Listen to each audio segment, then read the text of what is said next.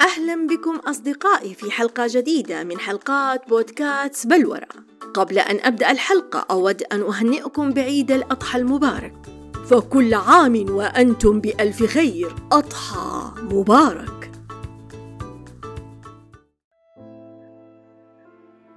قال رسول الله صلى الله عليه وسلم ليس الشديد بالسرعة إنما الشديد الذي يملك نفسه عند الغضب. يشير الحديث الشريف إلى سر من أسرار قوة الإنسان وهو ضبط النفس والتحكم بإنفعالاتنا. وذلك لما لها تأثير سلبي على ذاتنا أولا وأيضا على حياتنا. فالإنسان القوي ليس من يغضب ويبدأ بمهاجمة الناس سواء كان هذا لفظيا أو جسديا. وإنما القوة الحقيقية هنا هي قدرتنا على ضبط النفس والتحكم بانفعالاتنا والمحافظة على هدوءنا مهما كان الموقف الذي نحن فيه وأن نتصرف بحكمة وعقلانية. حسنا لن أخسر شيئا. أمسكتك. آه إنه فارغ. فارغ. مثل حياتي البائسة. لا أرى شيئا سوى الظلام أمامي. نتعرض دائما في حياتنا اليومية إلى العديد من المواقف السلبية التي تجعلنا نفقد السيطرة في التحكم بمشاعرنا وانفعالاتنا. وهذا يسبب لنا الكثير من المشاكل والخلافات على مستوى حياتنا الشخصية والاجتماعية. فهذه الانفعالات التي نمر بها ما هي إلا حالة نفسية ووجدانية تتملكنا وتؤثر على سلوكنا وتوازننا النفسي فتكون مثلا البكاء أو الضحك أو الحزن أو الغضب أو حتى السعادة. الانفعالات تكون موجودة منذ السنة الأولى من حياتنا ولكن لا نستطيع وقتها التحكم بها. وعندما نكبر نبدأ بمعرفة كيف نسيطر عليها والتحكم بها. يصف الأطباء النفسيين أن الانفعالات من الممكن أن تكون انفعالات إيجابية تزيد من الطاقة والحماس مثل الفرح والحب وأيضا من الممكن أن تكون انفعالات سلبية تقلل من الحماس والطاقة مثل الخوف والغضب. وهناك أيضا انفعالات فطرية تظهر في بداية العمر وتكون تلقائية ومن الممكن أن تكون لأتفه الأسباب. وأخيرا تكون هناك انفعالات مكتسبة تأتي في نهاية العمر وذلك بسبب التراكمات المختلفة والضغوط الحياتية التي نواجهها. ولكن يا أصدقائي سنتحدث في هذه الحلقة عن الانفعالات الشديدة التي تصدر من حالة الغضب التي تفقد الإنسان أعصابه والسيطرة على ذاته وتجعله يتصرف بطريقة لا عقلانية ويتخذ قرارات خاطئة ويصدر الأحكام الغير سليمة مما قد يتعرض لخسائر نفسية ومادية وحتى اجتماعية. لننتظر لحظة ولنفكر في الأسباب الكامنة وراء هذه الانفعالات الشديدة بسبب حالة الغضب. سنجد أن السبب الأول والقوي هو الإحباط والتعرض لضغوط الحياة وبالتالي تكون هناك شخصية عنيفة. أما عن السبب الثاني وهو طبيعة الشخص منذ الولادة. يكون سريع الانفعالات والغضب ويثار من أبسط الأشياء ولكن يكون هناك أمر مهم جدا يتحكم في هذه الحالة. وهو أسلوب التربية. أما عن السبب الثالث فهو عدم الاستقرار في الأوضاع المادية التي تجعل من الإنسان دائما في حالة توتر والتي تسبب بطبيعة الحال الانفعالات الشديدة. لابد أن نعلم جيدا أن الانفعالات مضرة جدا وتؤثر على الاتزان العقلي. وقد تفقدنا السيطرة على أعصابنا عند الانفعال وتصبح كلماتنا وتصرفاتنا غير صائبة مما تسبب لنا الكثير من المشاكل والخسارات. وأيضا تفسد العلاقات لأنهم بدورهم يتجنبون هذا المنفعل خوفا من ردات الفعل التي تصدر منه. وقد تتحول بعض العلاقات لعداوات.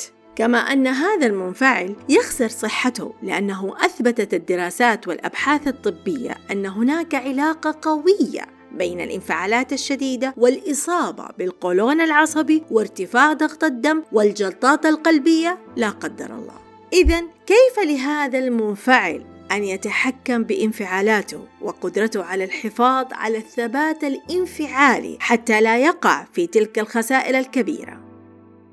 وهذا يكون في أول خطوة هي ضبط النفس والفهم الصحيح للذات وتحليل النفس متى تنفعل ولماذا تنفعل وهل الموقف الحاصل هو السبب في الانفعال أم أنه بسبب بعض الضغوط والتراكمات. إذا عندما نحاول معرفة السبب نتمكن من المعالجة والسيطرة على هذه الانفعالات. جميعنا في هذه الحياة نتعرض لبعض من الأشخاص السلبيين لديهم متعة الاستفزاز وإغضاب الآخرين، ولكن الثقة بالنفس هي السلاح الوحيد لمواجهة هؤلاء الأشخاص، فيجب ألا نترك لهم مجالا لاستفزازهم أن يزعزع استقرارنا النفسي.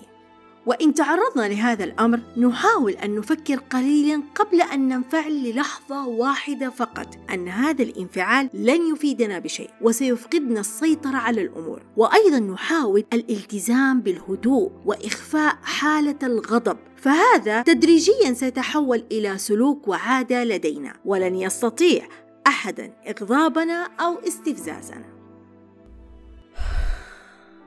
لا أعلم ما الذي أصابني. أشعر بأن الحياة في نظري قد توقفت ولم يعد لدي رغبة في فعل أي شيء. المرونة تجعلنا نتقبل الأحداث والمواقف مهما كان نوعها وأيضا تساعدنا على توقع مستجدات الحياة وتحدياتها. فنبقى دائما جاهزين ومتوقعين كل شيء. فلا ننصدم ولا ننفعل ونتقبل بكل مرونة وإيجابية. وهنا تعمل العقول وليست العاطفة وأن تكون ردات الفعل ردات فعل عقلانية وليست استجابة وقتية. أكبر خطأ يتم اتخاذ قرارات في أثناء الانفعال. لأنه سيكون مبني على أساس الانفعال وليس على حالته الطبيعية الصحية في اتخاذ القرارات. لذا من الضروري عدم اتخاذ أي قرار تحت ضغط الانفعال وإنما تأجيل هذا القرار لتهدأ النفس وتسترجع الأفكار ويكون هناك قرار صائبا جدا. يجب أن ندرك أن الوقت كفيل بحل أي مشكلة في حياتنا ويجب أيضا أن نتذكر هذا دائما.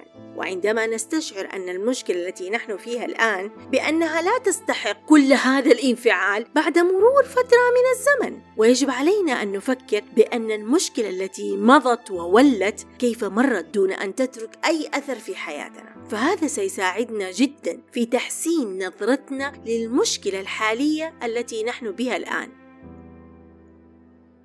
هل تصدقوني إن قلت لكم أن نوعية الكلمات التي نستخدمها في حالة الانفعال تؤثر على سلوكنا؟ فالأشخاص الذين يعانون من فقدان السيطرة على سلوكهم بسبب الكلمات التي تصدر منهم لديهم رغبة شديدة في التخلص من هذا الطبع واكتساب قدرة السيطرة على النفس عند الانفعال. لكنهم سلموا أنفسهم لأمر واحد فقط وهم يقولون لا أستطيع لأنه في اعتقادهم أنه أمر غير قابل للحل. فلسان حالهم يقول أفقد عقلي حين أنفعل. وبعدها ألوم نفسي كثيرا وأشعر بالندم الشديد لكني لا أستطيع أن أتحكم بنفسي. لذا لابد التوقف عن قول لا أستطيع التحكم في انفعالاتي. وأقول أنا أريد أن أفعل ذلك وأستطيع أن أتحكم بها. التمس لأخيك سبعين عذراً. أجد كل من لا يستطيع التحكم بانفعالاته أنه لا يستطيع التماس الأعذار للآخرين. فمن المفيد جدا أن نحاول فهم موقف الطرف الآخر ونلتمس له العذر. عندها حتما سنسامح ولا نرى أن هناك ما يستدعي لكل هذا الانفعال. كل الناس حتقول لك انسى وعيش. لكن إياك. الأحسن خلي الزعل يغلي جواك. واكتم شعور الألم في قلبك. خليه يغير حياتك. خلي الحقد حليفك. وساعتها هتقدر تعمل حاجات شنيعة جدا. مشاعر الانفعال مشاعر تافهة جدا تعيقنا من تحقيق النجاح والتقدم في هذه الحياة. لذا علينا عندما نشعر بهذه المشاعر أن نتذكر أهدافنا الشخصية وكيف يجب علينا أن نطور مهاراتنا وخبراتنا حتى نتمكن من الوصول إليها. وعندها سيساعدنا هذا الأمر على جلب الأفكار الإيجابية والشعور بالراحة النفسية ويزيل الانفعال تدريجيا وحتى نهائيا.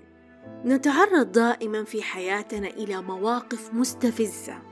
تكون هي السبب وراء شعورنا بالانفعال. فعندما نشعر بأننا على وشك أن ننفجر نحاول أن نشغل تفكيرنا بأمر جيد. مثلا نتذكر لحظات جميلة في حياتنا أو نفكر بأشخاص نحبهم أو نحاول أن نسترجع ذكريات سعيدة. مضت. أنا متأكدة أن هذا سيحررنا من المشاعر السلبية وسنشعر بأن الانفعال بدأ يتلاشى. الانفعالات ما هي إلا حالة مزاجية تكون لدينا ولا بد أن ندرك العوامل التي تتحكم بالموقف لنستطيع أن نتحكم بها ونتمكن من توجيهها بطريقة سليمة. والانفعالات تدخل في كل جانب من جوانب حياتنا وأيضا هي ترتبط بحاجتنا ورغباتنا وأيضا الدوافع التي نمتلكها. فلا يخلو أي فعل أو سلوك من أي انفعال وحياتنا متقلبة ومتغيرة.